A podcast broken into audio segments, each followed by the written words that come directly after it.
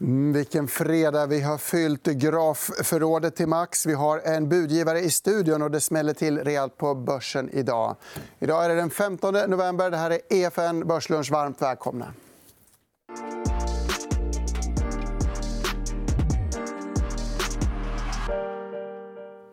Ja, Stockholmsbörsen handlas ner 0,4% denna fredag med SEB i botten tätt följt av Elekta som vinstvarnar. Men vi ska fokusera på lite annat idag. Vi hälsar varmt välkomna till Jonas Thulin, Micke Levin och Ilja Battlen som har lagt bud på Hemfosa. Tack så mycket. Varför gör ni det? Det Hemfosa är en naturlig partner för, för SBB. och På det sättet skapar vi Nordens största aktör inom social infrastruktur med en unik kombination av lågrisktillgångar i form av eh, äldreboende, skolor, LSS-fastigheter i Norden och svenska reglerade hyresrätter. Var det dyrt? Hur finansierar du det här? Ja, vi, vi tycker att eh, det är, ett, eh, det är ett bra bud. Eh, och det är 45% kontant och 55 i aktier. Och vi, har, vi har full finansiering och vi räknar med att ha starkare balansräkning efter budet. Så ni har redan pengarna för köpet. Hur ska ni stärka upp balansräkningen sen? Då? Vi har eh, pengarna för köpet. Eh, vi kommer också framåt att fortsätta stärka balansräkningen. Jag kommer bland annat att undersöka möjligheter att emittera en, eh, en hybrid om marknaden är rätt. Och vi har en väldigt tydlig väg mot att uppnå en BBB plus-rating vilket kommer att leda till ytterligare sänkta finansiella kostnader. Hemfosa rusade såklart på det här. och Jag tror även att SBB var upp lite grann på, på, på beskedet. Hur, hur känner du att du har tagits emot så här långt in i dagen? Jag tycker att eh, det är en väldigt bra affär för alla aktieägare. Det är klart hedgefonder kommer att och spela lite, lite, lite spel idag. Vi får se vem som är naken när tidsvattnet drar sig tillbaka. Jag tror att de skulle titta på synergierna Dag ett har vi 300 miljoner efter skatt i synergierna. Om man skulle bara dividera det med en FFO-yield på 4,5% då får man extra värde i termer av 7 miljarder. Det är utan att räkna de värden som vi kan skapa genom att eh, använda vår starka fastighetsutvecklingsteam som kan, leverera, som kan leverera starka värden från byggrätterna i Hemfosa. Men vad, vad tror du hedgefonderna kommer att göra? Eller vad menar du där? Jag tror att eh, de har, eh, de har spelat eh, lite lite idag. Det finns väldigt mycket pengar att tjäna på arbitrage en sån här dag tills marknaden har stabiliserat sig. Så att, jag tror att när, när det har lagt sig ner då kommer både Hemfosa och SBB att ha en bra utveckling. Vi har ju haft fantastiska uppgångar på fastighetsbolagen som kanske börjar toppa lite. Tror du vi kommer få se fler uppköp och konsolidering i branschen? De svenska fastighetsbolagen är väldigt professionella. och jag tror att Det vore hälsosamt med mer konsolidering. Därför att det är få andra områden där det går att göra så mycket pengar som på lägre finansieringskostnader som man kan göra idag om man är tillräckligt stor. I den här affären som jag sa tidigare gör vi synergivinster i stort sett dag ett på 260 miljoner på sista raden. Det är en väldigt stark effekt av lägre finansieringskostnader. Jonas, vad säger du? Ja, vi hade ju, tack vare vår aktieförvaltare Peter van Berrekom då, så har vi en väldigt bra dag idag. Då vi köpte hem Fosa för drygt en vecka sen. Eh, och vi ligger överviktade eh, fastighetssektorn också i alla våra portföljer. Så det är ju, en sån här dag mår man ju bra. Eh, får man säga.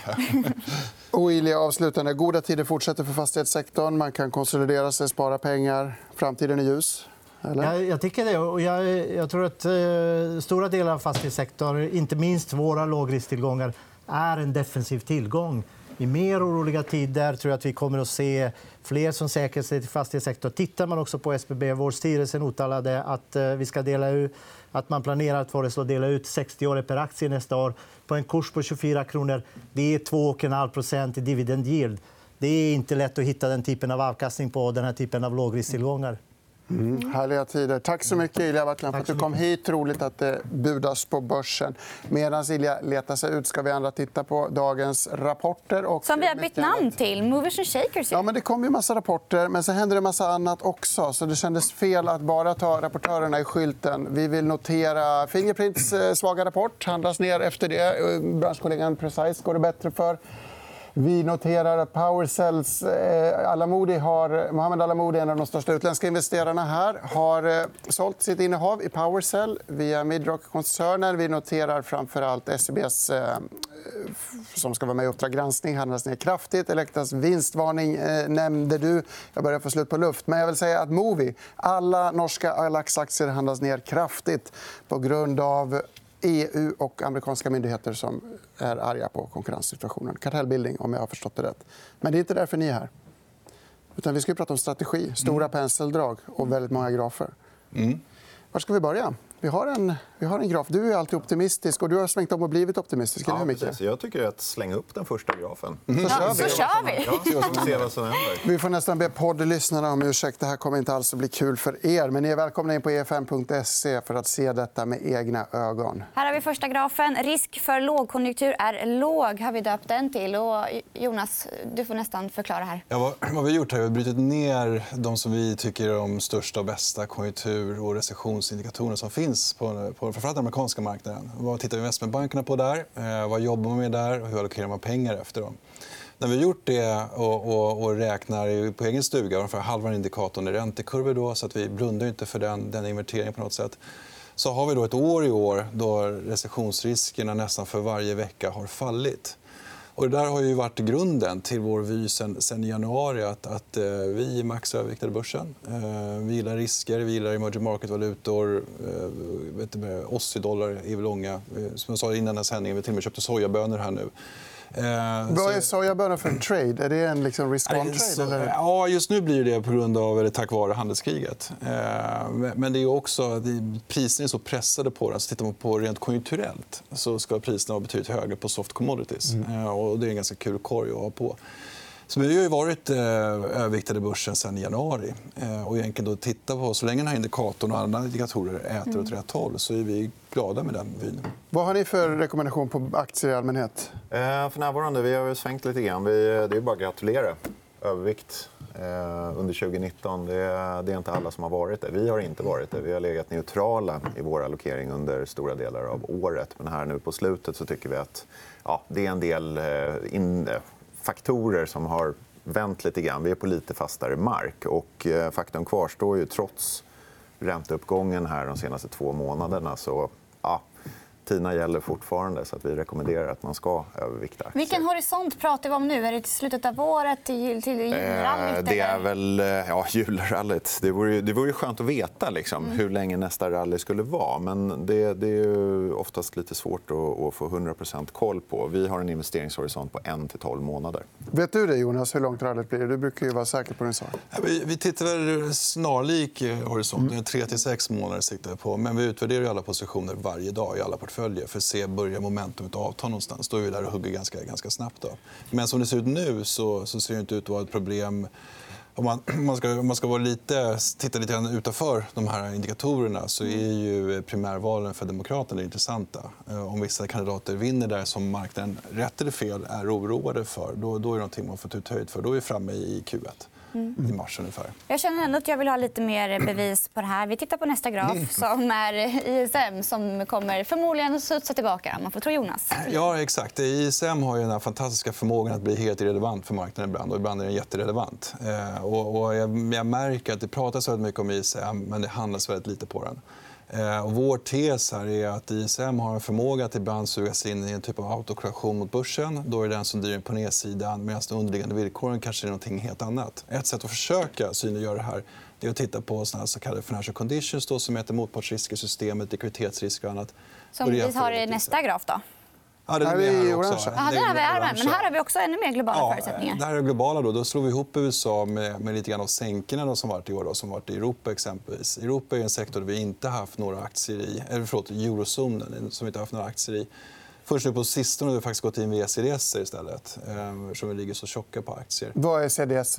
Ja, det är, egentligen har vi ställt ut ett försäkringsskydd mot eh, att, att bankrutterna helt enkelt inte kommer öka mm. i, i, USA, eller förlåt, i eurozonen. Då.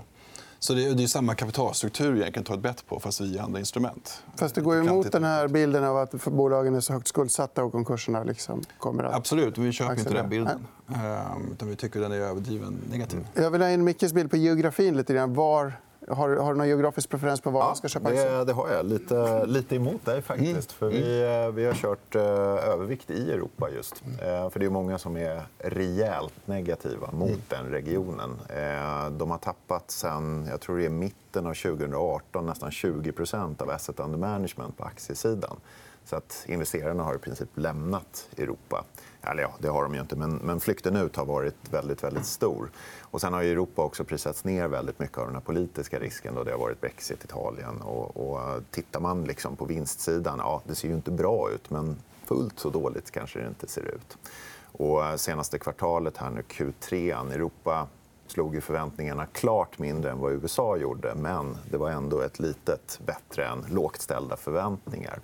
Och vi tycker att det finns lite potential där. Och speciellt då om, vi får, om du får rätt och om vi får rätt i scenariot att ekonomin åtminstone stabiliseras. Då har Europa förmodligen ganska bra potential till exempel, eller tillsammans med ska jag säga, Japan. Undervikt ligger vi då tillväxtmarknader för närvarande. Och det är ju att Europa och Japan kanske har lite mer i ett stabiliserande scenario. Eh, vänder ekonomin upp och det går bättre, vi får en återacceleration i den globala ekonomin då kommer vi ligga rätt snett i den positionen med undervikt i tillväxtmarknader. Medan vi njuter av din eh, vackra stämma, Micke, så har den här grafen seglat upp i bild. Extremt svårbegriplig skulle jag säga vid en första anblick. Men du kanske kan guida oss, Jonas? Ja, det är poängen här om man börjar i den nedre till höger det är att titta på kreditimpulser. Det är alltså belåning, alltså momentumet, förändringstakten i utlåningen. Och vad vi vill se här det är att den inte faller, eh, att, att företag blir rädda och drar sig undan utan att den gradvis ökar, gärna hyfsat modest tempo. Och det vi ser här nu det är att då lätt av USA så, så ökar ju den här framtidsoptimismen kan vi kalla det för, lite krasst eh, tolkat. Då. Mm. Och det är någonting då som ligger som ytterligare ett kort i, i den här att ja, det ser ju ändå ganska bra ut i USA. Om vi då har motpartsrisker, vi har finansiella villkor, vi har eh, att hela cykeln börjar studsa upp och att vi har att kreditimpulserna ligger där då börjar det bli lite svårare att hitta den stora springande källan för, för pessimism just nu. Mm. Eh, och sen får man utvärdera hela tiden. Men som det ser ut under, hittills under året så har det varit ett väldigt, väldigt bra år. Vi tar nästa graf som handlar om ett väldigt populärt och kärt tema, nämligen att centralbankerna ska mm. hjälpa oss.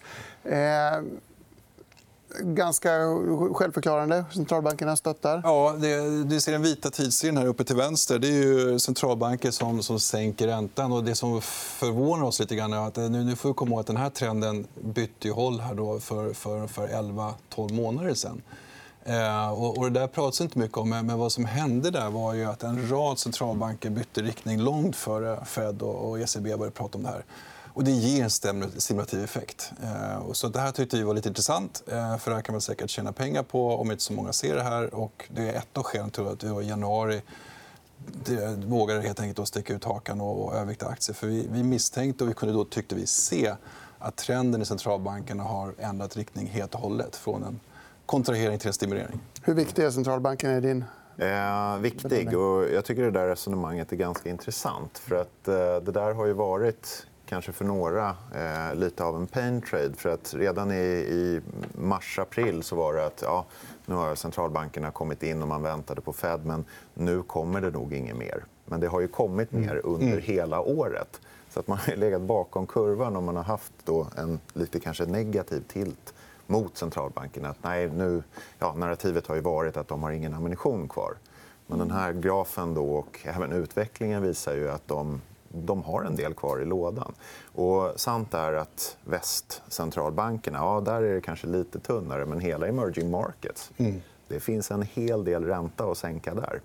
Så att den globala, liksom hela driften här, den har varit väldigt synkron från centralbankernas sida. Och det är klart att det stöttar ju marknaden. Mm. Mm. Ska vi bläddra vidare? Vi har en till graf. Den här grafen kommer från Micke, tror jag. Mm. Här ser vi Eh, bolagen, hur de agerar i orange. Trygg eh, sidledesrörelse, men den nervösa marknaden i gult svänger upp och ner väldigt kraftigt. Ja, det, är, det är väl lite det här med, med att marknaden... Eh, jag tror det var det är en gammal kollega Mattias Eriksson som alltid hävdar att marknaden eller börsen är en drama queen. Och det här illustrerar väl lite det. Bolagen i orange då, de lever ju i den ekonomiska verkligheten. Och det är kanske en annan verklighet än vad investerarna lever i som då försöker processa all data som kommer in. Och där är det ju lite spattigare. Och, eh, trenden här i eh, investerarnas sentiment har ju varit otroligt svag de senaste två åren. Men den ekonomiska utvecklingen, även om den har bromsat det är ju inte så att vi ligger på recessionsnivåer direkt. Kan man koppla det här till ISM-grafen vi hade tidigare? Är det så att inköpscheferna är lika spattiga som, som börsen? Så att säga? Ja, så blir det. det blir den här autokorrektionen som mm. sugs med. Och då ska vi komma ihåg att vi, vi tittar på 40 olika inköpschefsmätningar i USA. ISM sticker nu ut som den mest negativa. Och då ska man vara lite försiktig tycker jag, kanske, med att man hänger upp hela julgranen på en datapunkt när du har 39 andra som faktiskt ser betydligt bättre ut. Och det är det som marknaden trots allt dras med. Och Men jag tycker den här bilden var väldigt intressant. Förlåt. PMI i Europa då, som är dålig och svensk PMI är dålig. Ja, och de vänder ju runt också. är dålig. Ja, är inte det oroande? Jo, men vi tycker att de vänder runt också. Uh, utan när vi tittar på vad PMI i Europa kommer vara om fyra månader för det är det vi måste ta och handla på. Helt enkelt. Då ser det ut som att botten redan, redan funnits och nu kommer vi studsa upp och andra debatet vänder runt. Så vi har varit konstruktivt positiva där också. Sen har vi inte som jag sa, vi har gått in via krediter, inte via börs. Men precis som, som Micke inne och Nordea är inne på så sitter vi hela tiden och utvärderar. I och med att det ligger så tungt i USA är det redo att skifta om från USA till, till Europa. Eh, och det var faktiskt någonting jag pratade om i telefon på vägen hit. bara. Att, att är, vi, är vi där eller är vi inte där? Och där står vi hela tiden och ser liksom, hittar vi en strategi som är, går bättre än någon av dem vi har i USA. Då, kommer vi också switcha om. Helt enkelt. Nästa graf eh, spinner vidare lite på samma tema. Vi har ju någon slags avmattning att oroa oss för. Sen kanske PMI ska vända upp. Men även om vi står inför en avmattning här, Micke, visar du att det ser inte så himla illa ut? Nej, alltså, jag brukar säga något klyschaktigt att en av de starkaste marknaderna 2019 det har varit den i pessimism. Åtminstone liksom i narrativet. Och, eh, vi har fått läsa då, eh, krigsrubriker om hur den globala ekonomiska utvecklingen kommer att köra i diket upphöjt till två. Men när man tittar då på var vi troligen kommer att landa här när 2019 stängs så ja, det är inte vansinnigt långt ifrån snittet sen ungefär finanskrisen. Det har ju varit en ganska stabil utveckling. Och det är klart, det är lite sämre. Det är det sämsta året sen 2009, tror jag. Men som, som en fullblodspessimist kan man inte ha invändningar att vi har haft ganska taskig tillväxt ända sen finanskrisen. Tillväxten inte varit toppen, även om börsen har varit Nej, men grejen är den, den behöver inte vara toppen. Det räcker med att den är stabil på en hygglig nivå för att, tillväxt, eller förlåt, för att riskmarknaderna ska leverera. Så att man kanske inte ska just hänga upp hela strategin på om tillväxten blir då, att den ska vara fyra för att jag ska gå in i aktier. Utan verkligheten ser ut som den gör. Vi ska ta några sentimentsgrafer också och börja med en från Bank of America som visar att eh, risk, risken eh, är nere. Eller? Ja, eh, och det är egentligen hur många av Bank of America genomför den här undersökningen då en gång i månaden. och så frågar de 550 globala förvaltare hur ser ni på aktier, räntor och så vidare. Och det här är andelen i gult, då, andelen förvaltare som ligger överviktade i aktier. Och där kan vi se att sen ja, början av 2018, det var väl egentligen den där januarisättningen. Då började man skala ner risk och har fortsatt skala ner risk även under 2019 för att då narrativet har varit väldigt pessimistiskt. Sen har ju marknaden kanske gått lite åt andra hållet. Eh, men det belyser ändå att pengar har flödat då från eh, aktiesidan i många portföljer in då i långa räntor och framförallt kontanter kontantandelen är väldigt hög. Den ligger 5% i den här undersökningen vilket enligt Bank of America åtminstone är då en köpsignal. Massor av cash på sidlinjen ska in och stödja.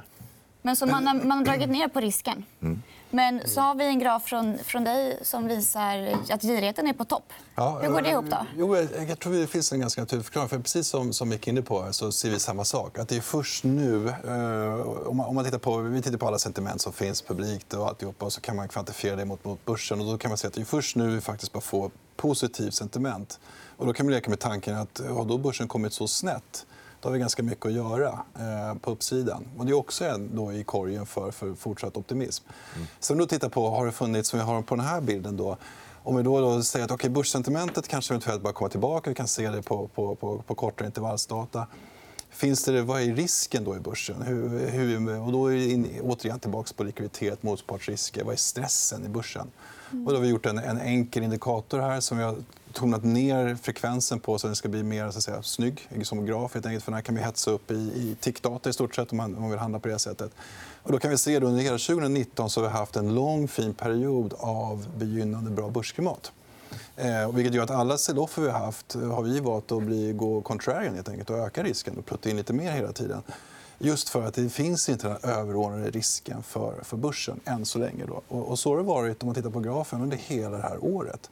Vilket jag tycker är jättekul då när man läser vissa tidningar och annat då, att nu är börsfrossan här och alltihopa. Det är ju smärtsläge. Det har inte funnits bättre lägen på länge. Så, så länge om man tittar på skillnaden mellan slutet av 2018 då var ju läget, då låg vi korta eh, i Europa. Då var det ett helt annat läge.